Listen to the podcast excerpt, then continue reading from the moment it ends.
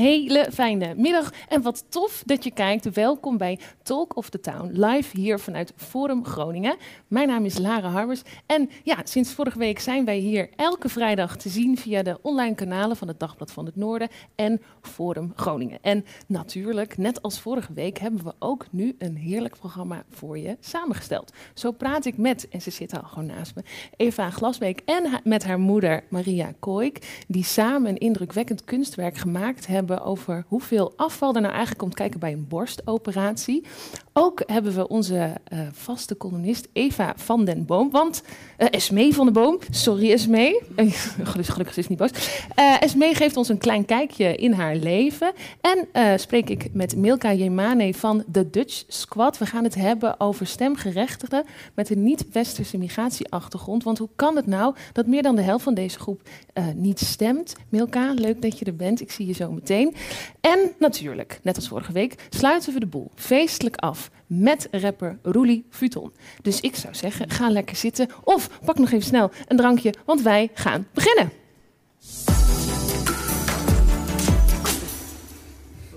Ik, uh, ik zei het al even, jullie zitten lekker naast me. Een kunstwerk, we hadden het eigenlijk net over. Het is een, een film die jullie gemaakt hebben over afval wat bij een uh, borstoperatie komt kijken inmiddels meer dan een miljoen keer bekeken. Maar ik dacht, stel je kijkt en je denkt, ja oké, maar ik heb nou even net die film niet gezien. Laten we eerst even kijken naar deze prachtige film.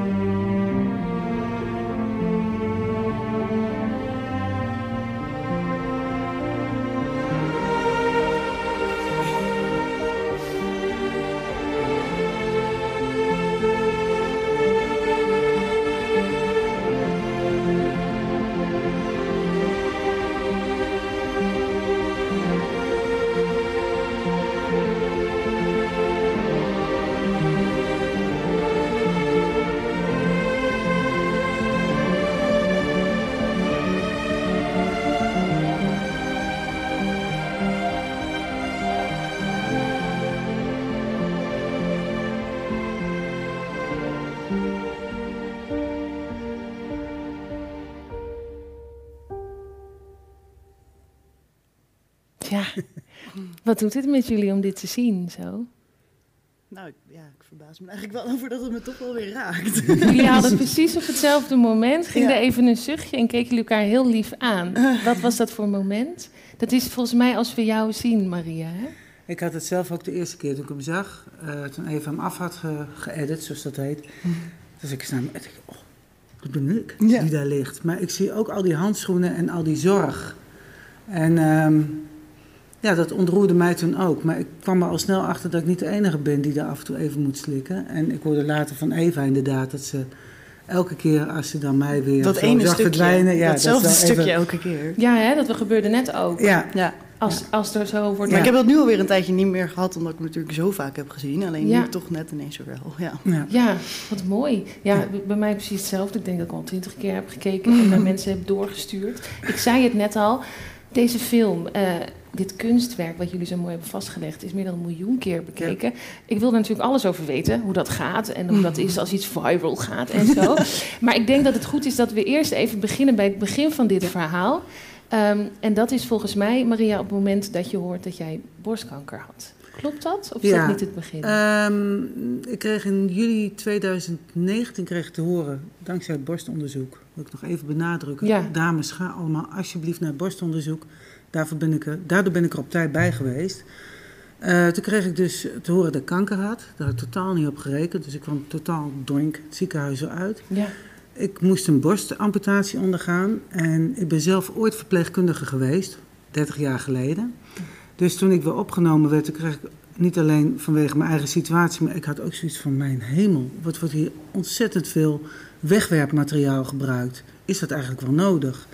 Dus ik was nog niet geopereerd van mijn borstamputatie. En ik riep al, dit wordt mijn nieuwe onderwerp. Bij mijn man en ja. even echt zoiets hadden van... Oh, alsjeblieft, zeg, wees gewoon eens even nou. Dit wilde ik namelijk ook even van Eva weten. Want... Um, nou ja, en, maar eerst wil ik nog even weten, je, je krijgt dat verschrikkelijke nieuws te horen. Je zegt hartstikke grote klap. Ja. Dan is het moment dat je het onder andere aan je dochter Eva moet vertellen. Dat is het ergste wat er is.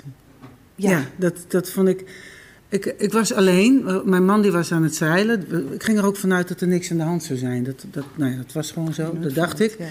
En dus ik stond opeens in mijn pieren eentje alleen buiten het ziekenhuis met... Ik heb dus gewoon borstkanker. Met dat grote nieuws. Help. Nou, mijn man die kon ik slecht bereiken, want die zat ergens op zee. En die, nou goed.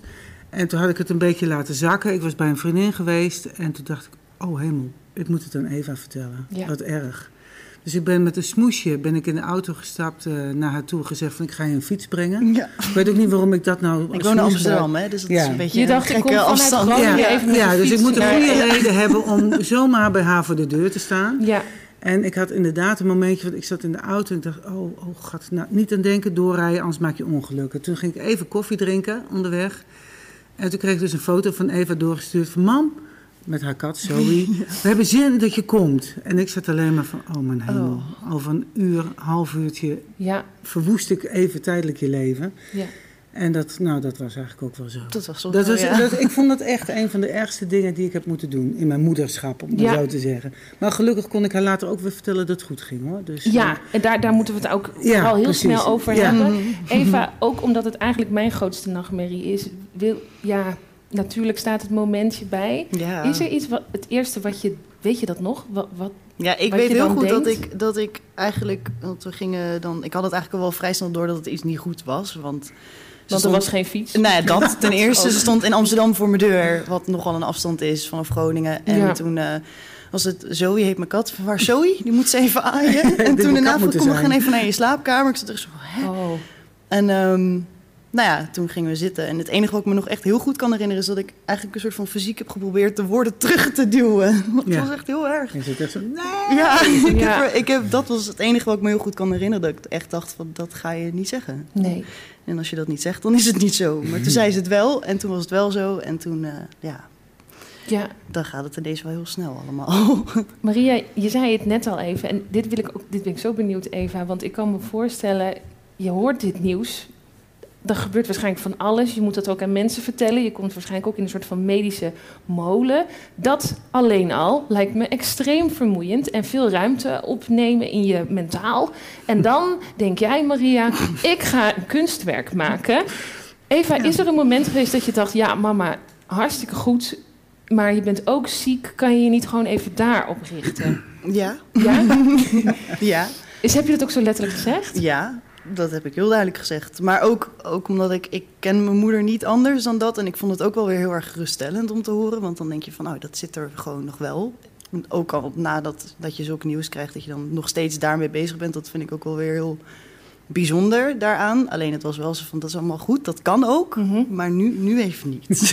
Maar het is dus wel heel, heel... We gaan gewoon lekker even over jou praten, Maria, zoals je Ja, hoort. Maar dit is heel typerend voor je moeder. Ja, Ja? ja. Het gaat altijd, altijd gewoon iets nieuws verzinnen. En, en als het niet zo gaat, dan gaat het wel zo. En, en het moet altijd ja, mooi Ja. en groot. Wat ik heel, echt heel erg tof vind. En wat een groot ook voorbeeld is voor mij in die zin. Alleen op dat moment dan is het mijn moeder en ze heeft kanker. En dat hoeft nu even niet. Nee. Dat was het eigenlijk meer. Ja. Nou ja, dat had ik al. Dat, ik dacht, nou, zo zou ik denk ik even reageren. Ja. Maar goed, eh, Maria, want je bent dus gewoon niet te stoppen, merk ik al wel. Hoe is dat? Kan je, weet je nog het moment dat je dacht, ja, eh, want eh, werken met plastic en afval, dat is jou niet. eh, Dat is mijn op- passie. dat is je passie. Ja, daar kennen veel mensen natuurlijk Ja. ook van. Wanneer dacht je, ja, ik ga iets doen met het afval hier in het ziekenhuis ehm, en dit ga ik ervan maken? Of ging Nou, dat niet zo? Dat ging, het ging een beetje anders, want ehm, het is Eerst, ik, wat ik per se wilde, was dat het UMCG niet het gevoel had dat ik tegen hun was. Ja.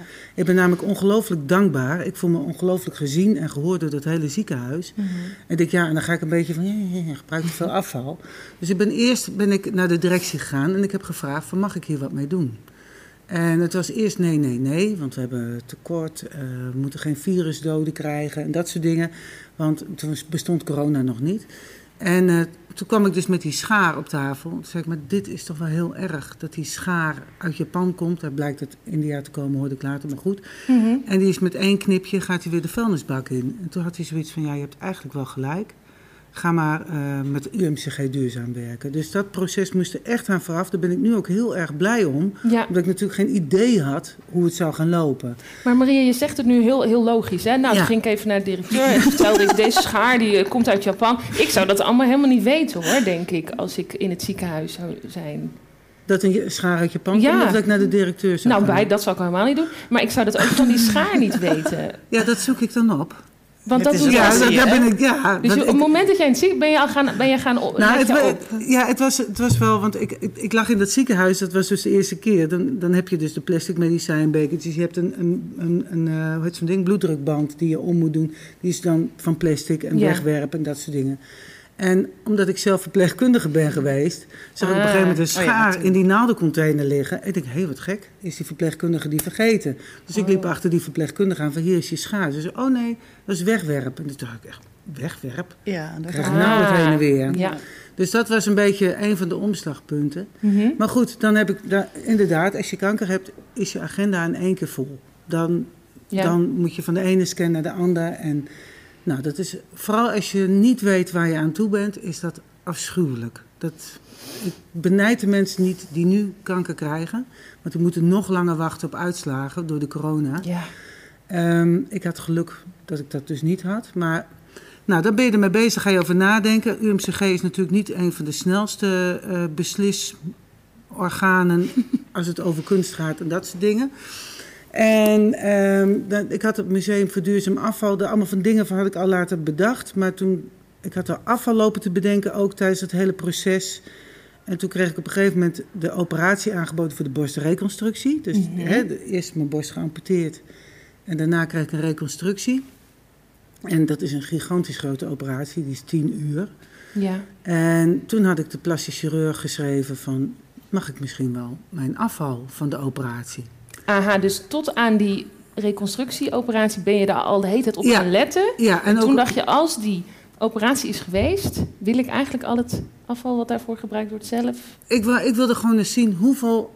Ik had al heel snel in de gaten dat ik ontzettend veel afval maakte door beter te worden. Ja. Dat is natuurlijk een idiote paradox. Dat je zoveel afval moet maken om ja. zelf beter te worden. Daar kon ik, had ik al moeite mee. En ik denk, dan wil ik wel eens weten hoeveel afval er wordt gemaakt tijdens mijn operatie. Ja. Gewoon, ook gewoon puur nieuwsgierig. En dat het zoveel zou zijn. De arts had ook al gezegd, want eerst had ze ook zoiets van, val mee. Daarna zei ze, je zult versteld staan over hoeveel het is. Dat is het eerste wat je liet zien toen jij uit narcose kwam. Want Eva, heb jij gezien hoeveel afval dat was? Ja, nou ja, ik heb toen toen heb je gewoon even de. We waren aan het facetimen toen ze net uit de narcose kwam. Oh, ja. En toen was het weer heel veel afval. ja, dit was het eerste. Je, nou, een van de eerste dingen wel. Ja, ja, En je zat oog in oog met je, met je zakken af. Nou, nee, toen was het, als je tien uur narcose bijkomt, dan heb je wel even. Waar was bedoel, ik ook weer mee bezig? Wie ben ik überhaupt ja. en waar is die geest van mij gebleven? Nou ja, ik snap je al niet eens meer, het, het ik zijn. Maar goed, dat we zeiden. En dan staan er een heleboel mensen naast je bed te kijken hoe jij dus weer wakker wordt. en toen zei mijn plastisch chirurg als eerste van mevrouw Koik... we hebben al zes vuilniszakken afval zes naar uw kamer gebracht. En toen had ik wel even... Toen was ik nog niet zo snel over dat afval. Toen had ik nog wel even... Zes, waar gaat, waar gaat, wie ben ik eigenlijk? Goed, gaat die vrouw over ja, ja. ja. Dus, maar goed. Dat, ja, dat was wel een van de eerste dingen, ja. Maar, ja. Dan word je wakker, dan ben je oog in oog als je geest weer even in je lijf is. Ja. Met al dat afval. Um, en toen had je toen meteen door, oké, okay, ik ga met mijn dochter Eva uh, hier een kunstwerk over maken? Hadden jullie daar al een beetje over? Nee. Nee, nee want waar ik ook achter kwam, de hygiëneafdeling van het ziekenhuis, die was not amused met het afval van mij. Dus die zat me een beetje achter de hielen. Dat was een beetje een soort kat-en-muisspel. Van uh, ja, dat afval dat gaat niet het ziekenhuis uit. Dat willen wij niet hebben. Dat is niet volgens protocol en weet mm -hmm. ik veel wat. En toen had ik echt zoiets van: ik moet zorgen dat het afval al weg is voordat zij bij mij op de kamer komen. Dus even gebeld. Ja. Heeft een vriendin van mij dat even meegenomen. Oh ja. En ehm, nou ja, dus toen kwam hygiëne en ik zei, sorry, het is al weg. Ja. wel, Dus het kan niet meer. En ook is het eenmalig. Dit is gebruik. heel, heel slim gedaan. Ik wil heel even een beetje vooruitspoelen naar het moment dat jullie samen gaan werken. Want Eva, dit, ja, dit fascineert mij mm, heel erg. Je gaat dan samenwerken met je moeder. Mhm. En je gaat een hyperpersoonlijk kunstwerk registreren met je eigen moeder daarin in de hoofdrol. Hoe gaat dat? Wa- Was het meer, wauw, wat hebben wij veel van elkaar geleerd? Of was het misschien ook een beetje, nou, misschien is, Dat doen we het, niet meer, is het wel wat pittiger dan ik had gedacht. Want dat weet ik niet. Nee, het was sowieso een, een heel, heel mooi iets om dat samen te kunnen doen. Ook omdat het natuurlijk het hele ehm, het verdrietige was al, ook, had al een beetje een plekje gevonden, omdat ze natuurlijk niet toen ziek was. Ja. Ehm, ik was met name gewoon heel blij dat die laatste operatie erop zat en dat ze al gewoon weer zo te been was en, en nou ja, gewoon weer gaande was eigenlijk. Ehm, dus zo'n dag, ik was daar op dat moment was ik daar niet heel veel mee bezig, omdat ik gewoon met name heel erg hoopte dat ik het tot gewoon eer kon doen, dus dat ik het tot zijn recht kon laten komen.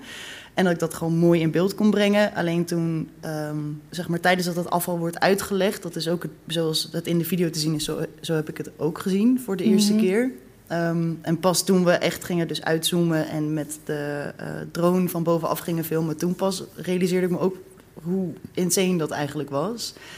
En sterker nog, dat ik op die dag zelf heb ik ook, ook daar ook weer anders bij stilgestaan. Want je bent ook weer een soort van aan het werk. Nou, en dat, Want je wil dat ook gewoon mooi vastleggen. Het is ook gewoon eh, iets wat je maakt. Ja. En, en ja, het is je moeder, maar het is ook een kunstwerk. En Ja. jij bent als filmmaker gewoon bezig. Ja. Was het het moment ehm, dat die drone, het grote totaalshot, toen je dat zag, dat het je Toen ik het liet zien aan, aan jou, toen, Ja. zo ziet het eruit. En toen dacht ik wel van, oh, dat is echt heel mooi. Maar toen bij het editen, dus een week later, toen pas ehm, kwam ook de emotie daarbij, zeg maar, veel, veel meer naar buiten. Dat tijdens het filmen had ik dat eigenlijk helemaal niet, omdat ik gewoon het heel tof vond en met name heel trots was. Maar ik werd er niet verdrietig of geraakt van. Maar Mhm. bij het editen dan zie je dat dan zo liggen. En dan elke keer als ik mijn moeder dan in beeld zie komen, dan, dan hit het wel heel Ja. erg. Dan denk ik wel van holy shit. Van A, hoeveel afval ligt daar, maar ook hoe trots ik ben en hoe stoer mama is. En Ja. dat, dat, dat wel heel Ja. erg. En ik heb deze vraag nog nooit in mijn leven gesteld, maar jullie hebben heel veel afval gezien. Welk stukje afval emotioneerde jullie nou het meest? Ik weet wat jij gaat zeggen. Ja, dat, dat, dat is al wel eerder gezegd. Het zijn de beroemde pakjes karnemelk met een rietje. Ja. Want dan wordt het opeens heel menselijk. Van Weet je, de van mensen. chirurgen. Die chirurgen die er, er zijn 15 man bezig geweest aan mij. En dat vind ik al heel ontroerend. Dat dat allemaal Ja. gedaan wordt om mij gewoon weer een mooi lijf te geven. Dat ben ik, eh, ja, dat doet me wel wat. En dan eerst zit je dat afval uit te pakken, dan zie je de bebloede handschoenen. Ja, oké, nou, oh god, is mijn bloed. Oh, maar dan opeens zie je gewoon iets menselijks van... Ja, ze hebben daar, ze zijn daar echt aan het werk geweest. Ja. En dan krijgen ze met het rietje achter hun maskertje, krijgen ze dus... Ja. ja, dat ontroerde mij echt heel erg. Ja. Dat, dat, dat was echt zo'n, even zo'n omklapmomentje van, oh ja, Ja, het ging wel om mij. Ja. Was het bij jou ook het, het karma? Ja, ik, ja, f- f- ik snap dat voor... Dus ben je ook de bij jou ook? Ja, ja, heel. Nou ja, ik snap dat wel heel goed vanuit mijn moeder gezien. Alleen ik, ik zelf eh, had wel het meeste eh, nou ja, bij, de, bij de handschoenen met bloed. Dan- Ja. Want dat was voor mij dat ik echt denk, holy shit, dat zijn gewoon handen die bij mijn moeder dat hebben gedaan. Ja, Dat, die raakten wel heel erg, ja. En dat waren er ook heel veel. Ja, Ja. En dat, dat vond ik wel echt heel erg eh, ja, heel heftig om te zien. Ook de dag zelf, toen we dat aan het maken waren, was dat eigenlijk de enige of de eerste keer dat ik echt dacht, "Wow, ja. holy shit. Ja, zoveel. Ik zou, ik zou nog zo lang met jullie doen. ik, ik wil je nog één, want ik kan natuurlijk, dat kan bijna niet anders. Jullie hebben dit kunstwerk gemaakt, Hmm. maar jullie willen natuurlijk hier ook iets mee bereiken. Ja. Wat als nou alles kan? Wat zou je nou willen? En misschien is er al iets eh, aan de gang. Nou, er is al wel heel veel aan de gang, ja. Ik bedoel, eh, ik heb veel te maken met de green teams van het ziekenhuis en dat soort dingen nu. Daar word ik voor uitgenodigd. En ook met grote farmaceuten. Ik zou het liefst willen dat de grote leveranciers nu in beweging komen. En dus het voorbeeld zijn voor de ziekenhuizen, we gaan het anders doen. Want het moet echt anders. Als ik zie hoe er gereageerd werd vanuit, vanuit de gezondheidszorg... Nou, dan waren het echt vooral de mensen van de operatie van... Hè, hè, eindelijk iemand die dit probleem op de kaart kan zetten... Ja. zonder dat het verwijtend is of wat dan ook. En, eh, dus, Ja, het is, ja. en nou, daar ben ik heel blij om. Dat had ik ook nooit verwacht. Ik had het wel gehoopt natuurlijk. Ja, Maar ehm, ja, ik hoop echt dat ik een beweging in gang kan krijgen waardoor het echt anders kan. En volgens mij gaat dat ook nog wel gebeuren. Ik heb heel erg het vermoeden dat dit niet de laatste keer is dat we elkaar gaan spreken. um, Maria, ja, had ik misschien ook aan het begin kunnen vragen, maar hoe gaat het nu met jou? Het gaat heel goed met me. Fijn. Ja, ja, ik ben gewoon heel blij. Ik bedoel, dit, het is ook tevens een afsluiting, hè? Ja. Ik bedoel, je hebt een nare periode achter de rug. En ik ben gelukkig, dankzij, nogmaals, het bevolkingsonderzoek... er op tijd bij geweest. Ja, en um, Eva, ja, ik ben heel blij dat ik je iets eerder kon strikken. Want uh, jij bent hier straks ook als jurylid bij het beste Groninger Filmfestival. Ja. Terwijl je vorig jaar nog meedeed als filmmaker. Niet vorig jaar. Oh. Maar, wel, maar wel, ik heb wel meegedaan. Oh, niet precies het jaar daarvoor. Oké, hoe, hoe, is dat? Hoe vind je, wat vind je ervan? Ja, heel, heel, heel leuk eigenlijk. Want het was uh, de eerste keer dat ik überhaupt meedeed aan een filmfestival. Ik denk dat het nu twee of drie jaar geleden is al wel. Mm -hmm. En ik had gewoon echt niet verwacht dat dat überhaupt uh, zou kunnen winnen. En ik had hem aangemeld voor Talent Award, geloof ik. Dus dat je nog niet helemaal in een categorie past, omdat je nou ja, dat dan voor het eerst doet. Maar toen was hij uiteindelijk gekozen voor um, nou ja, beste musicvideo. En ik vind het heel tof om dat, nu, om dat nu van de andere kant mee te maken. Ja, wat fijn. En als je nou denkt, ik wil meer Eva zien, kan ik heel goed uh, begrijpen. Dan kan je van, ja, ook, ja, natuurlijk. Kan je vanavond uh, om 7 uur bij, via OogTV kijken naar dit beste Groninger Filmfestival. Ik wil jullie heel erg bedanken dat jullie dit verhaal met ons en met mij wilden delen. Graag gedaan. Zullen we even een applaus doen? Dames en heren. Eva en Maria. Ga lekker zitten. Jullie hebben volgens mij je eigen tafeltje, hè? En uh, terwijl Eva en Maria lekker gaan zitten, zie ik dat onze vaste columnist Esme van den Boom al... Ja, je zat al klaar, je komt er nu aan. Esme, hoe is het met je? Ja, wel goed. Wat voor soort week heb je gehad? Uh, heel veel Zoom heb ik gehad. En heel veel Zoom? Heel veel Zoom, ja. Daar, uh, daar, daar schrijf ik ook een beetje over. In deze column? Ja, ja in deze column. Nou, uh, Esmee, ik ben heel benieuwd. Het is dinsdagavond. Mijn vriend en ik liggen in bed. Ik lees Depth of Speculation, een roman van de Amerikaanse schrijfster Jenny Offill. Ik lees over de naamloze hoofdpersoon die zich tussen de regels door lijkt te verwonderen over het subtiele seksisme in een ezelsbruggetje om de volgorde van de planeten te onthouden. Daar komt hij, let op. My very educated mother just serves us noodles. Het is schrijnend, maar er zit me eigenlijk iets anders dwars.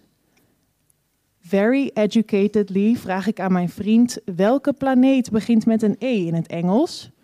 Ik kan er niet opkomen. Mijn vriend moet ook diep nadenken en jullie zitten thuis nu vast ook diep na te denken. Na een minuut of tien barst mijn vriend in lachen uit. Earth, de aarde. Het is dinsdagavond, een uur of elf en we zijn de aarde vergeten. We hebben een uitzoomprobleem, zeg ik. We hebben een zoomprobleem, grapt mijn vriend. André Kuipers zei ooit: Vanuit de ruimte zag ik hoe schitterend mooi en bijzonder de aarde is. Wij mensen zijn allemaal astronaut van het ruimteschip dat aarde heet. Astronauten kennen het overview-effect. Als ze voor het eerst vanuit de ruimte uh, onze kleine blauwe bol vol leven midden in een donkere, koude leegte zien zweven, worden ze overvallen door een golf van liefde en zorgzaamheid. Ze zien ineens helder hoe kwetsbaar die aarde eigenlijk is. We hebben een zoomprobleem. Zelfs in 2020, toen we maandenlang niet forensten of op familiebezoek gingen en er ook veel minder transport was, stoten we meer CO2 uit dan in het jaar ervoor, stond vorige week in de krant. My very educated mother just serves us noodles. De E van educated staat voor Earth voor de aarde. Niet vergeten. Zelfs niet op dinsdagavond om 11 uur. Dankjewel, Esmee.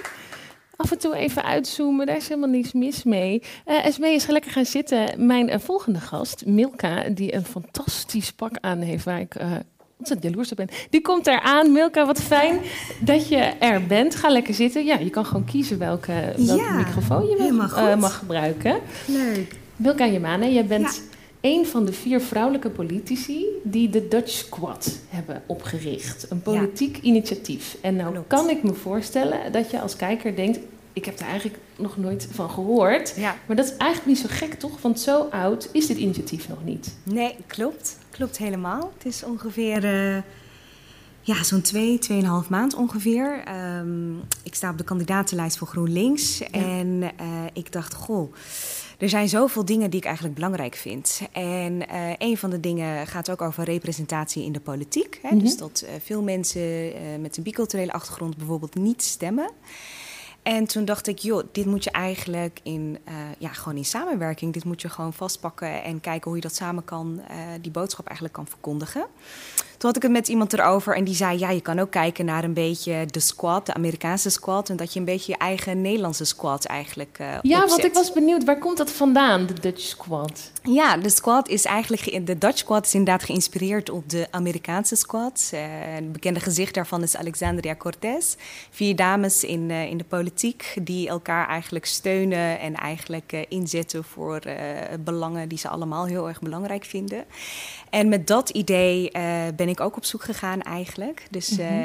heb ik iemand van D66, Joan Nunnally, Fatia Abdi van de PvdA en, en Isaura Carillo van DENK. Mm -hmm. En ze vonden het alle, weer, alle drie gelijk een supergoed idee. Het was maar echt een minuutje. Ik kende ze niet van tevoren, ja, Joan een beetje. En ze zeiden gelijk... Wat een geweldig idee. Ja, gaan we doen. Wat heerlijk. Ja, het ging echt super snel. Ja, want je denkt, ja, oké, okay, ik sta op de lijst van GroenLinks, maar ja. dit is iets dat is partijoverstijgend. Partij dat is zo belangrijk. Ja, ja, klopt. Dit is zo belangrijk. Uh, waarbij we ook zeggen van, uh, dit willen we inderdaad partijoverstijgend opzetten. Het is zo belangrijk dat mensen gaan stemmen. Het is zo belangrijk dat, dat er ook representatie binnen de politiek komt. Hè, dat die mensen die niet gaan stemmen, dat ze in ieder geval zien... goh, er staan mensen van kleur sowieso op een kieslijst.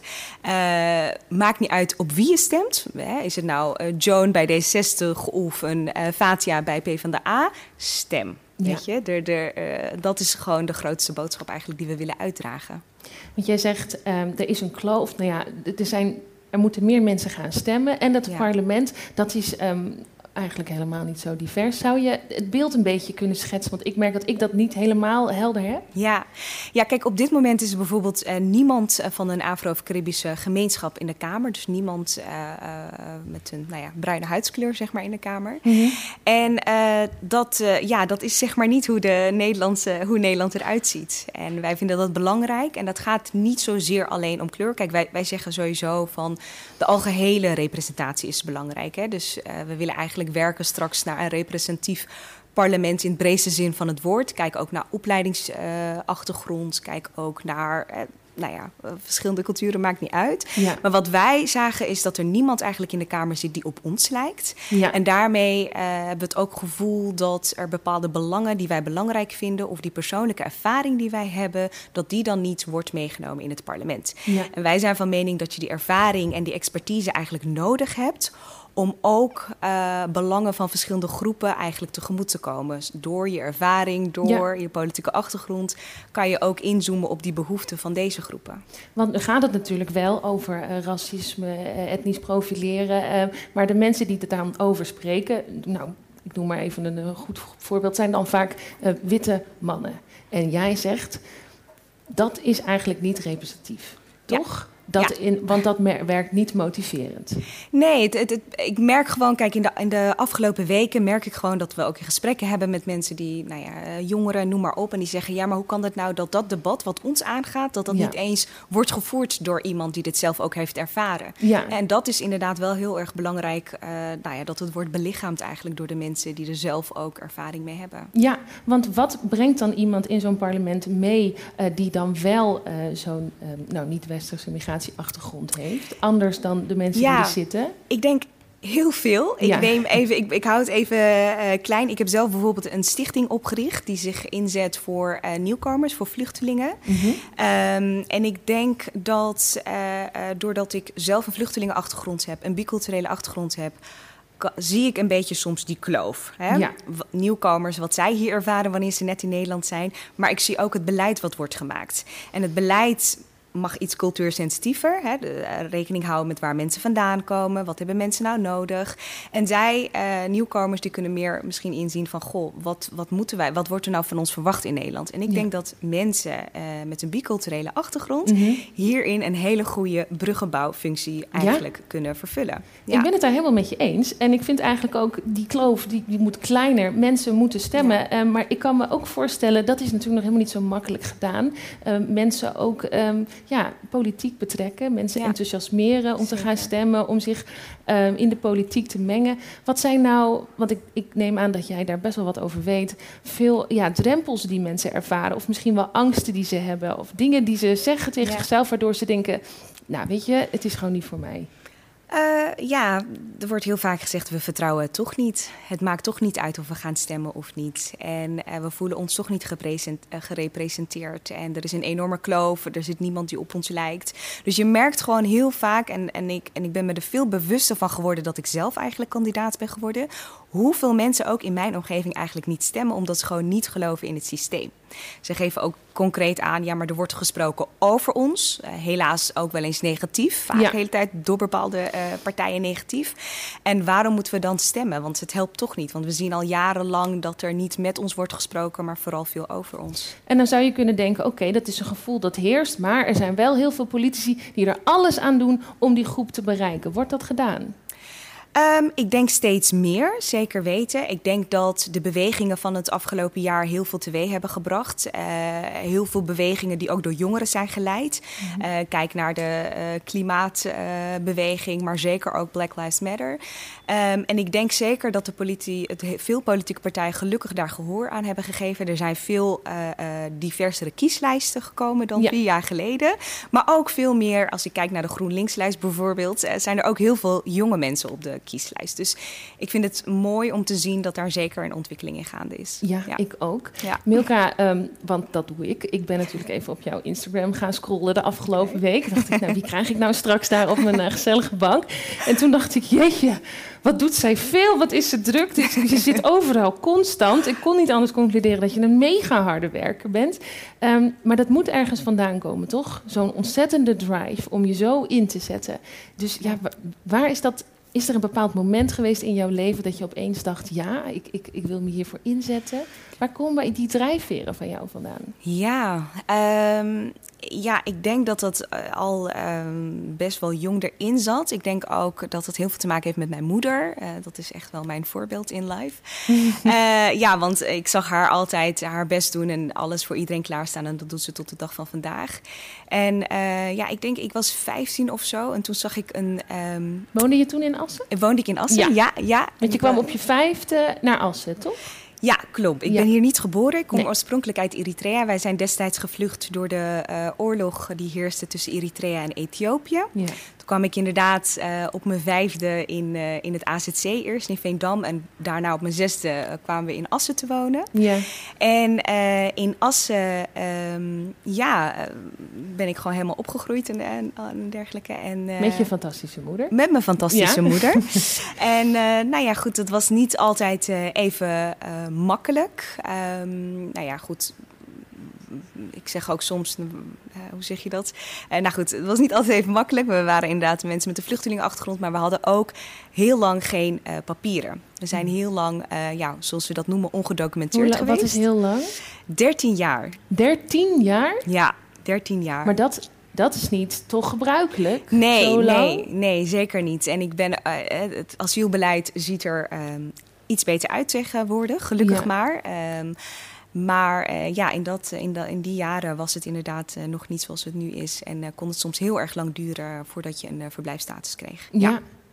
En nou, ik kan me voorstellen dat je in die tijd ook tegen veel dingen aangelopen bent. Ja. Ik wilde nog vragen, wie heeft je geïnspireerd? Nou, lijkt me heel duidelijk. Ja, Jouw moeder. Dus ja. jij weet dus eigenlijk ook wat voor hobbels en obstakels er allemaal zijn. Ja, Toch? zeker, zeker. Vanuit mijn persoonlijke ervaring, maar zeker ook vanuit mijn werkervaring. Want ik, ik werkte bij het COA, maar vanuit het COA werkte ik ook op Lampedusa, in Turkije, in Italië, waar de Ja. boten eigenlijk aankomen met vluchtelingen. Dus je hebt dat uh, een beetje een, nou ja, je hebt je persoonlijke ervaring, je hebt je werkervaring hier op de AZC's, maar zeker ook in Europa.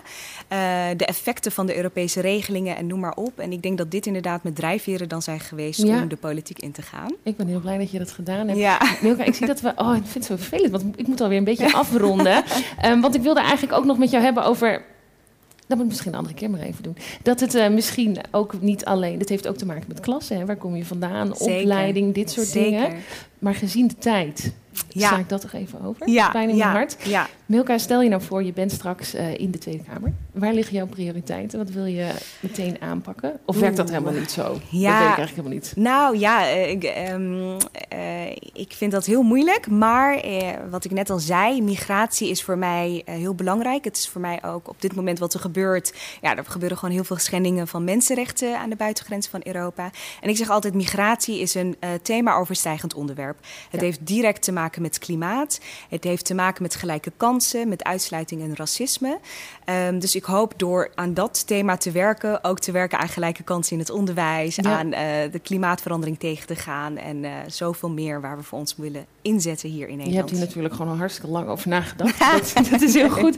Milka, ik wil jou heel erg bedanken. Natuurlijk dat je ons hebt verteld wat de Dutch Squad doet. Dat kunnen we ook allemaal volgen. Maar ook dat je je eigen verhaal even met ons wilde delen. En ik hoop eigenlijk dat je ons nou ja, nog maar meer hebt gestimuleerd om volgende week te gaan stemmen. Ja, Milka, zeker ga nog even lekker zitten. Wat fijn Dankjewel. dat je er bent. Dankjewel, leuk om hier te zijn. Ja, Milka, ja.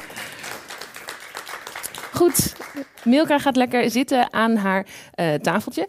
Uh, we zijn eigenlijk alweer een beetje aan het einde van deze show gekomen. En dat betekent automatisch ook dat het weekend gaat beginnen. Maar wat nou als je denkt, ja, hartstikke leuk zo'n weekend, maar ik heb geen idee wat ik moet doen. Nou, dan heb ik drie persoonlijke cultuurtips voor je. Stel nou, je zit uh, thuis en je denkt, ik heb zin om lekker vanuit mijn luie bank te genieten van kunst en theater, dan kan je gaan naar de website van het Noord-Nederlands Toneel en een kaartje kopen voor Open Nights. Met zo'n kaartje kan je namelijk deze hele maand vanuit je luie bank genieten van allemaal nieuw werk gemaakt door jonge, frisse, spannende makers.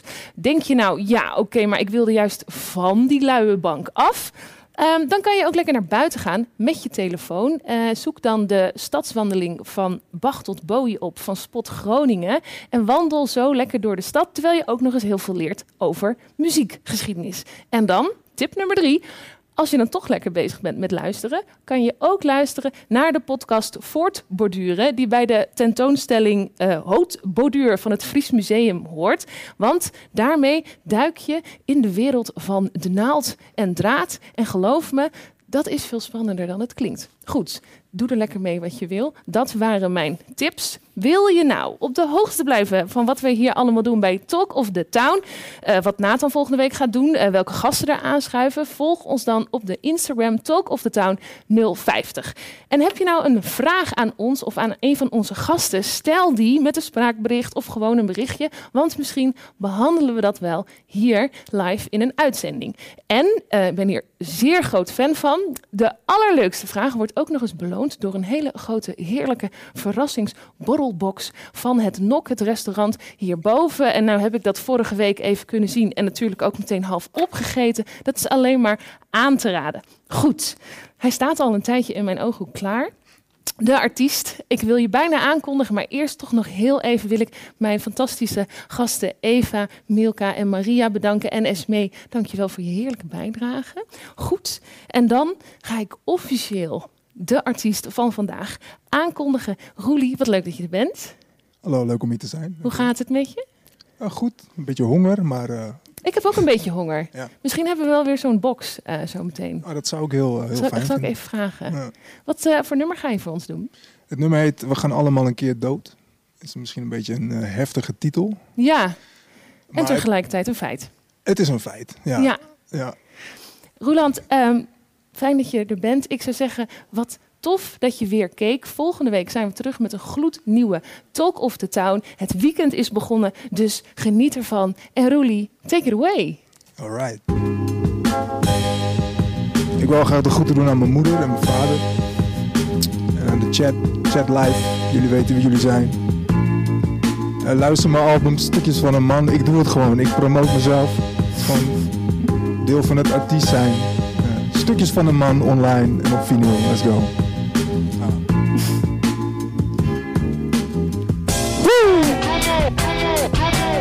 Er mag gedanst worden in de, dan, in, de, in de woonkamer. Ik wou zeggen op de dansvloer, maar dat is al heel lang niet meer realiteit.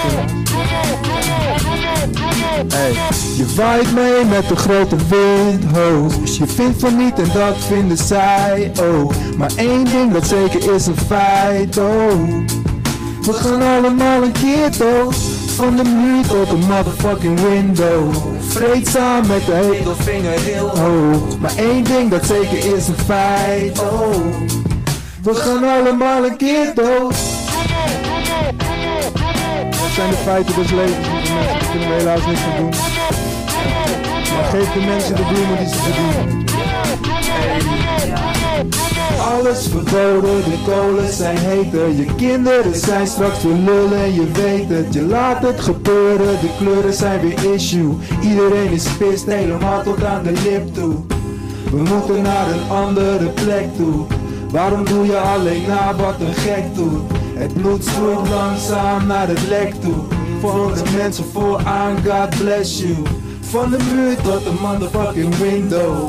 Vreedzaam met de middelvinger heel hoog. Maar één ding dat zeker is een feit, oh. We gaan allemaal een keer dood.